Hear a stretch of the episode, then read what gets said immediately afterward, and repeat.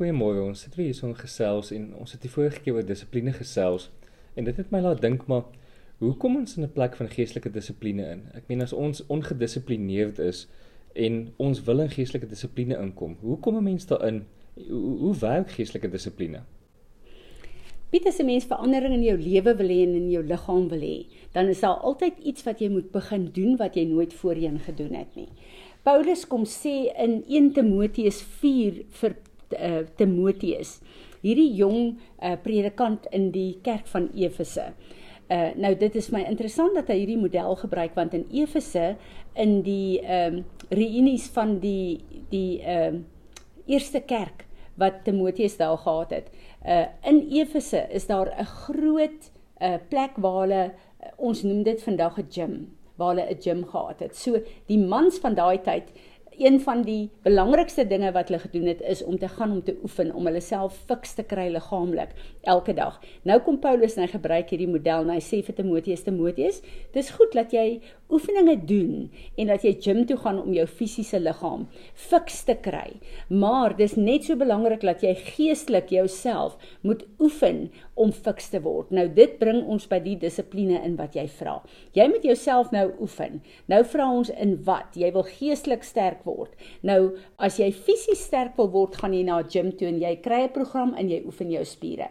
As jy 'n uh, geestelik wil fiks raak, dan kom jy in die woord in en jy moet die woord leer om jou lewe aan te pas by die woord want jy moet die woord nou begin leef. So hoe jy dit doen is om daagliks tyd te spandeer in die woord. As ons kyk na Psalm 1 vers 1 en 2, is dit vir my so belangrik waar die Here kom en ek lees vir ons die amplified. Blessed is the man who walks not in the counsel of the wicked, nor stands in the way of sinners, nor sit in the seat of scoffers, but his delight is in the law of the Lord. And on his law he meditates day and night. So hier kom die Here en hy gee vir ons 'n baie belangrike 'n uh, 'n um, 'n uh, orde van geestelike dissipline en geestelik fiks word. Jy moet die woord van God dag en nag oordink en jy moet daarop uh, mediteer. Nou wat beteken dit om te mediteer? Mediteer beteken as jy 'n woord as jy die woord lees. As jy byvoorbeeld hierdie Psalm 1 vat en jy kom en jy mediteer daaroor, dan lees jy dit in die oggend. Jy bedink dit. Onthou altyd dat die woord van God is 'n twee gesprek. So jy kom en jy uh, bid en jy uh, lees die woord. Jy sê blessed is the man who walks not in the counsel of the wicked, nor stand in the way of the sinners, nor sit in the seat of the scoffers. Vader, ek wil vir U vra dat U vir my sal wys elke plek waar ek deel is van 'n uh, struktuur in die wêreld waar ek dink soos hulle, waar ek goed doen soos die sondaars, waar ek goed uh, doen wat 'n bespotting is vir U en vir U woord. Uh, ek wil asseblief vra dat U my sal vergewe en dat U my sal help dat ek my gedrag en my gedagtes kan verander but his delight is in the law of the Lord. Here, ek bid dat my vreugde in u woord sal wees, dat dit my vreugde elke dag sal wees. On his law he meditates day and night. Here, ek bid dat u deur Heilige Gees my sal help om hierdie woord vandag te bedink, dat ek hierdie woord sal uitleef in my lewe dat ek sal sien elke keer waar ek in my gedrag en my gedagtes in die wil samestem met die wêreld. Elke plek waar daar sonde gedoen word wat nie eers sonde gereken word in die wêreld nie, maar dat U vir my die onderskeiding sal gee. Dat U vir my sal help om hierdie woord te bedink deur hierdie dag sodat ek my vreugde sal vind in U woord. So Piet, dit is nou letterlik hoe jy mediteer in die woord van die Here en niks wat die moeite werd is, kry ek en jy verniet nie. Ons weet dit. Nou ek het 'n ding wat wat ek dink almal van ons mee sukkel wat ons ons dinkie oor. Ons het die beste voornemens en dan stap ons hier uit en dan ry 'n ou vir ons met die stopstraat verby en dan's al daai goeie voornemens by die deur uit. Hoe kom ons by 'n plek dat ons ons keuses kry om in lyn te kom met die woord sodat ons gedrag in lyn kom met die woord?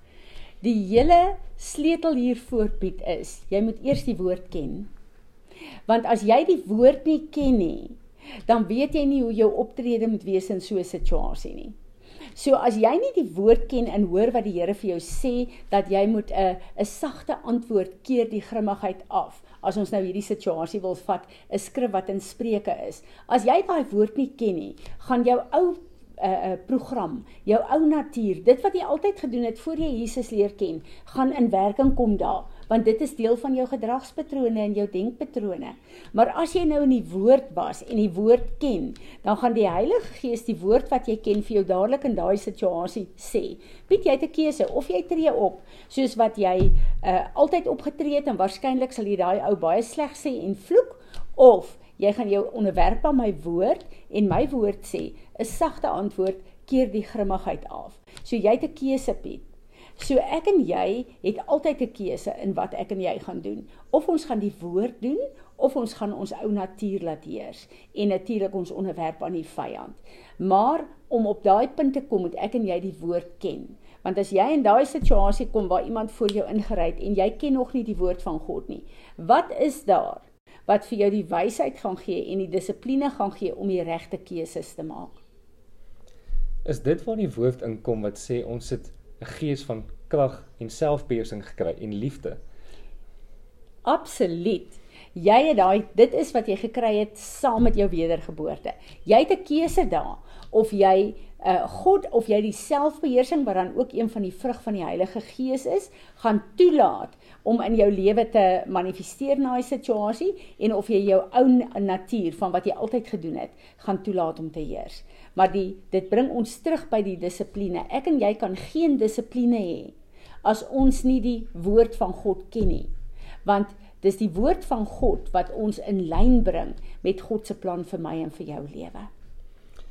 Kan jy nie vir ons 'n gebed doen om ons te help om te kies om in daai woord te lewe van dat ons te gees van krag, liefde en selfbeheersing gekry om te kies om dit elke dag te doen in klein stukkies dat ons op die ou en die oorwinningslewe kan inkom. Vader, dit is so lekker om te weet dat ons as u kinders, ons kan on, kom onderwerp aan u. En as ek ver oggend bid, dan bid ek in die eerste plek vir myself ook en dan vir elke een wat hier luister. Ons het nodig Heilige Gees dat U vir ons kom leer, dat U vir ons die onderskeiding sal gee om ons gedagtes gevangene te neem in elke situasie om dit gehoorsaam te maak aan u keuse vir ons wat u woord is en ek vra Vader dat u vir ons sal help dat ons die ehm um, 'n uh, 'n uh, offer sal bring elke dag om tyd in u woord te spandeer en om te besef dat dat uh, om u woord te ken is om tyd daarin te te spandeer. So ek bid vir ons Vader dat u vir ons sal help om die regte keuse te maak en om die tyd daar te stel om u woord te leer ken sodat u woord in ons hart gegraveer kan word vir elke situasie wat ons dit nodig het. Here Jesus, as ons dit bid, dan weet ons u maak dit vir ons moontlik omdat u die prys vir ons afbaan afgehandel het op Golgotha. Amen.